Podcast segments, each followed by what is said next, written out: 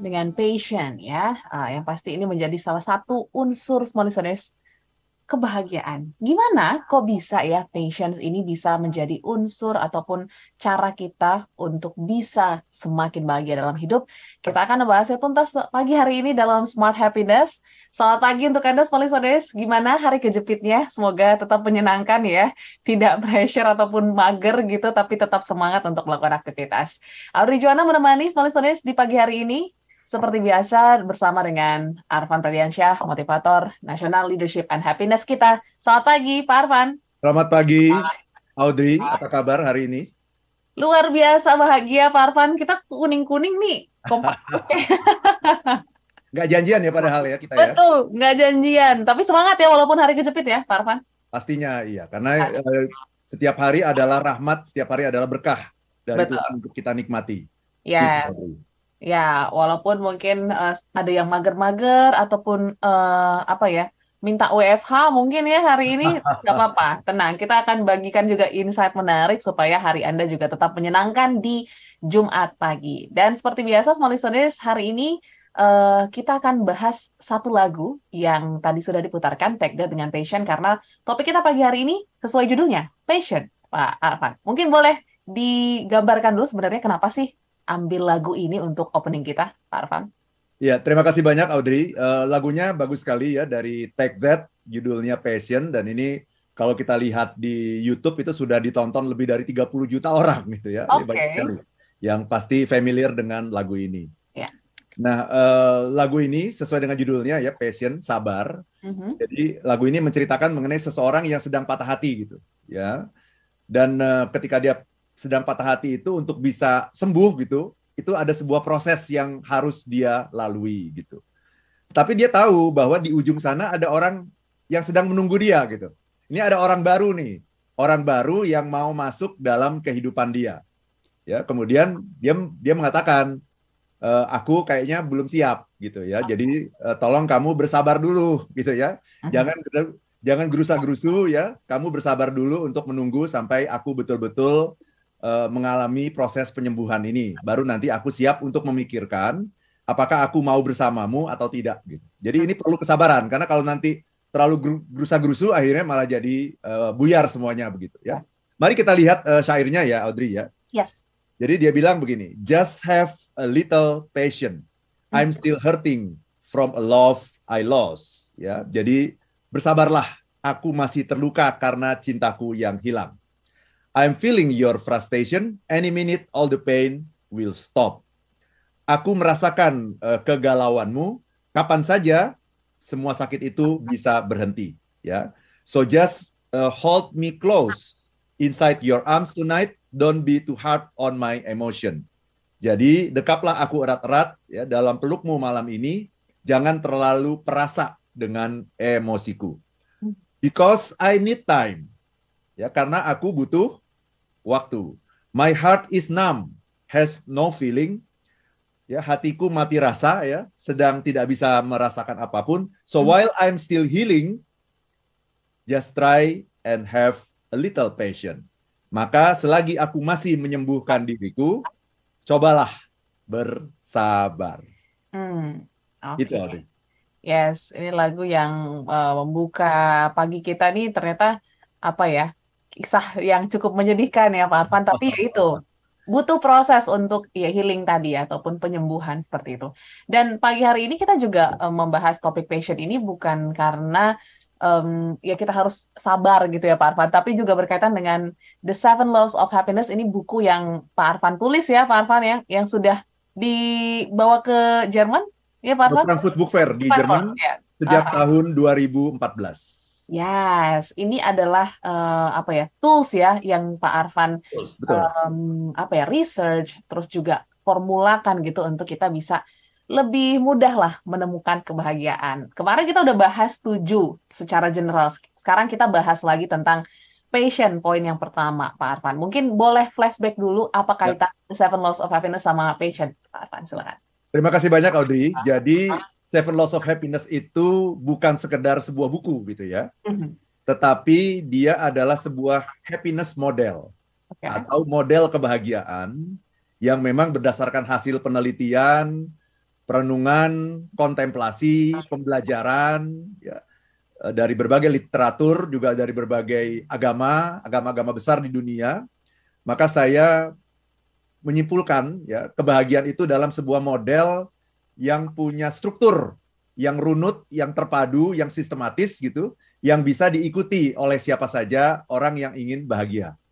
Gitu ya. Jadi modelnya itu ada tujuh, ada tujuh makanan-makanan yang perlu kita masukkan ke dalam diri kita, ke dalam kepala kita, supaya kita bisa bahagia.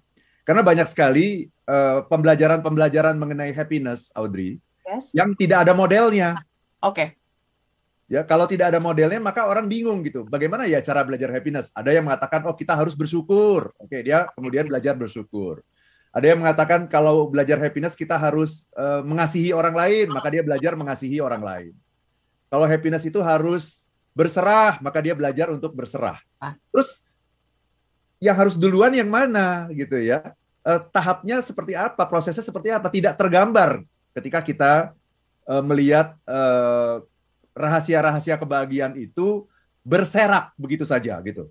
Nah, di sini yang namanya model itu apa bedanya model dengan bukan model? Model happiness atau model kebahagiaan itu menggabungkan gitu semua resep-resep rahasia-rahasia di alam semesta mengenai yang namanya kebahagiaan digabung, diambil, di uh, padu padankan gitu ya menjadi sebuah model yang terpadu.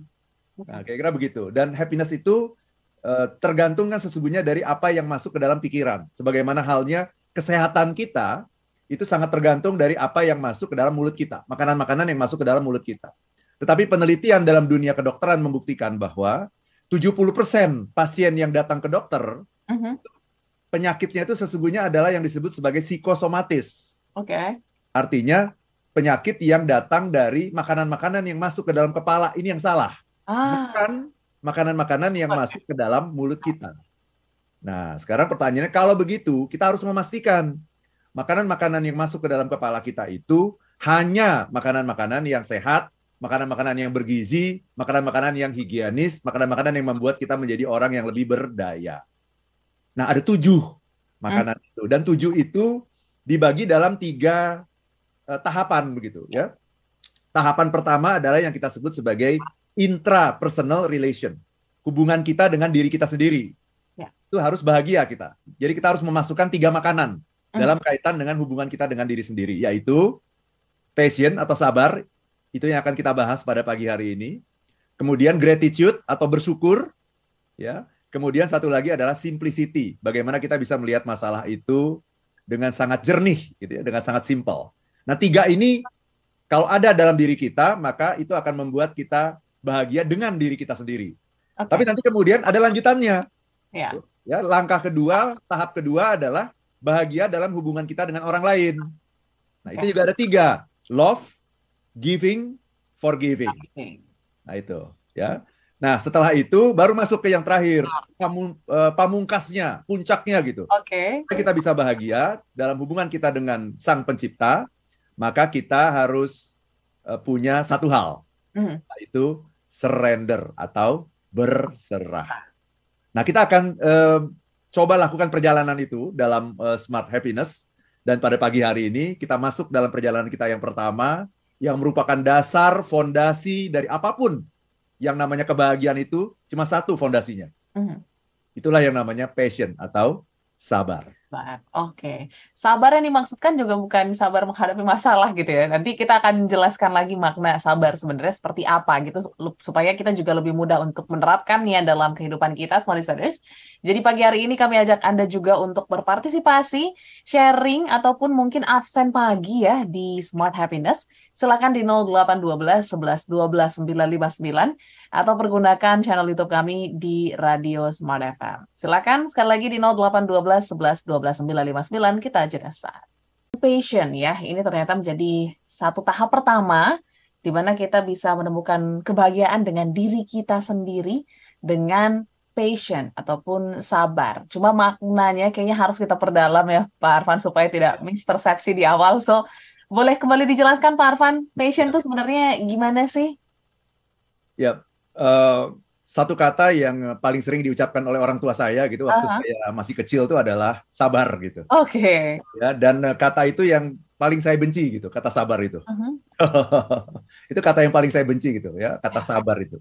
Tetapi eh, seiring dengan berjalannya waktu, saya banyak belajar, berguru pada banyak orang, ya belajar banyak eh, ajaran agama, belajar mengenai happiness, melakukan penelitian, kontemplasi, perenungan.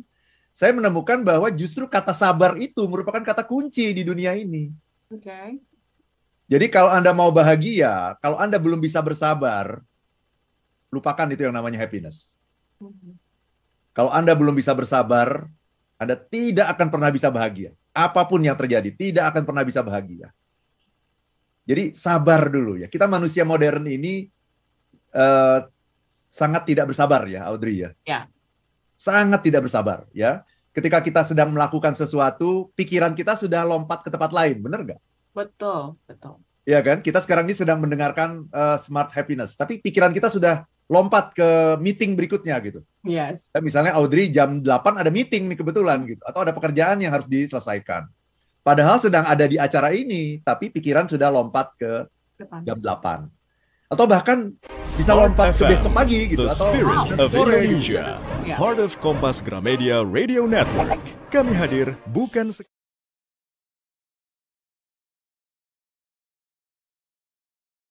Mana pikiran kita padahal masih berada dalam eh, jam 7 sampai jam 8 pagi. Oke.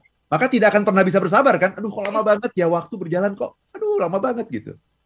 Ya, nah itu ciri manusia modern adalah tidak sabar gitu. Kita pingin eh, melakukan satu eh, beberapa pekerjaan dalam satu waktu, benar nggak? Mhm, Betul. Maka yang ngetren sekarang itu adalah yang namanya multitasking, Yes. ya kan? Orang dianggap orang yang sukses kalau dia bisa multitasking. Multitasking. Padahal sebetulnya multitasking itu bertentangan dengan prinsip kebahagiaan. Oke. Bertentangan dengan prinsip happiness multitasking itu. Karena ketika kita multitasking, maka badan dan pikiran kita itu selalu berpisah. Hmm. Dan sedang di sini pikiran ke pekerjaan A, pekerjaan B, pekerjaan C, balik lagi ke A, ke B, ke C, dan seterusnya. Kita tidak akan pernah bisa bahagia. Ya. Kita akan selalu gerasa gerusu dan sebagainya. Ya, tetapi sayangnya gitu di dunia modern ini justru orang dianggap keren kalau bisa multitasking. Padahal penelitian dalam otak juga menunjukkan bahwa otak kita itu bekerja sangat keras gitu ketika kita harus melakukan multitasking. Nah, jadi yang ingin saya katakan adalah eh, dunia modern ini justru menghendaki sesuatu yang bertentangan dengan prinsip-prinsip kebahagiaan. Ya maunya cepat, ya maunya this, eh, faster, cheaper, better kan seperti itu. Oke. Maunya cepat, cepat, cepat, cepat, cepat. Padahal yang namanya bahagia itu bukan cepat tapi lambat. Kita harus melambatkan tempo eh, berpikir kita, kita harus melambatkan aktivitas kita supaya badan dan pikiran kita tetap menyatu Ya. di satu tempat. Dan di situlah kita akan menikmati yang namanya kebahagiaan. Dan itulah sesungguhnya salah satu definisi dari bersabar Hmm. yaitu menyatukan badan dan pikiran di satu tempat gitu. Sehingga ketika kita berbicara ini memang badan saya ada di sini pikiran saya juga ada di sini. Dan kita bisa memberikan yang terbaik dan bukan hanya itu kita juga bisa menikmati apa yang sedang kita sampaikan gitu nah sayangnya Audrey Yes. memang yang namanya manusia itu kecenderungan manusia itu adalah pingin cepat-cepat Oke. kecenderungan manusia itu adalah pingin tergesa-gesa. Oh ya. Mungkin semuanya itu simsalabim, abrakadabra, Berapa? Jadi gitu. Nah itu bertentangan, itu Ya. itu bukan sabar namanya, itu bertentangan dengan yang namanya sabar. Dan kalau anda melakukan itu, anda tidak akan pernah bisa bahagia. Mhm. Oke, oke. Nah, Itu.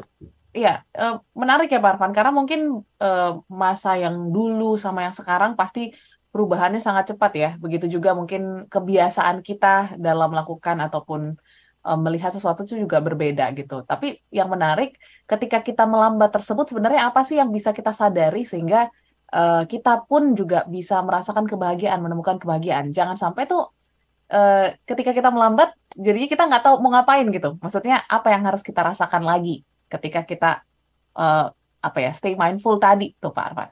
Iya. Jadi manusia itu adalah human being kan? Mhm. Human being. Be itu artinya apa? Be itu artinya mengada gitu Oke. ya. being. Kita dalam sedang dalam proses mengada. Gitu ya. Jadi kita merasakan eksistensi kita itu ketika kita duduk diam kemudian meresapi apa yang sedang kita lakukan saat ini gitu. Mhm. Itu Audrey. Makanya kalau saya belajar dari uh, biksu-biksu itu kalau saya ikut happiness conference di luar negeri itu pasti Ya. ketemu dengan banyak biksu gitu ya. Biksu itu adalah pendeta uh, agama Buddha. Salah satu yang saya kagumi dari pendeta uh, agama Buddha itu adalah ketenangan gitu ya. Kalau ngomong sama mereka salah salah satunya yang pernah ngobrol dengan saya namanya Matthew Richard ya. Oke. Matthew Richard itu adalah em, seorang ahli biologi dari Prancis, tapi kemudian dia tertarik dengan dunia ketimuran gitu. Mhm. Kemudian dia pergi ke Tibet dan dia belajar dari Dalai Lama. Oke. Bahkan dia menjadi eh, penasehat eh, Dalai Lama, ya. Eh, dan eh, juru bicara dalam bahasa translator dalam bahasa Prancis gitu. Jadi kalau Dalai Lama itu pergi ke negara-negara yang berbahasa Prancis, maka Matthew Richard akan ikut karena dia akan menjadi penerjemahnya gitu. Oke. Nah, yang menarik adalah dari Matthew Richard ini yang saya tangkap itu orangnya sangat tenang gitu ya, sangat tenang, sangat damai, tidak buru-buru. Ket- Ketika bicara itu betul-betul eh, mendengarkan kita baik-baik gitu ya, tidak buru-buru memotong dan sebagainya gitu. Ya bahkan dia itu dijuluki oleh eh, banyak orang itu Mhm. dalam jurnal-jurnal internasional gitu disebut sebagai the happiest man on earth Oke. gitu ya the happiest man on earth jadi Ah. orang paling bahagia di dunia maka saya Iya. penasaran gitu ya saya penasaran satu ketika ada happiness conference ada Matthew Richard nah saya sudah mengenal dia sejak lama dari buku-bukunya dan berbagai jurnal internasional bahwa dia disebut sebagai the happiest man on earth kayak apa sih orang yang katanya happiest man ini kan gitu. Kan saya menyempatkan diri ketemu dia dan itu juga sangat susah karena konferensinya kan sangat banyak orang. Jadi Oke. dari waktu benar-benar ketemu dia nggak lama ya cuman ya mungkin 5 sampai 7 menit ngobrol sama dia saya pengen tahu gitu saya pengen merasakan apa istilahnya itu. Atmosfernya ambiensnya itu gimana itu ternyata itu betul. Sangat tenang sangat damai sangat sejuk tidak menjudge orang tidak buru-buru memotong ketika kita sedang berbicara. Itu kan namanya sabar. Saya tanya apa sih rahasia anda apa sih Mhm. meditasi Oke. bahkan dia itu saya kira kita tidak akan mampu mengikuti dia ya dan juga tidak perlu juga ya mungkin meditasinya dalam satu hari itu bisa empat jam Wow. Oke. Ya.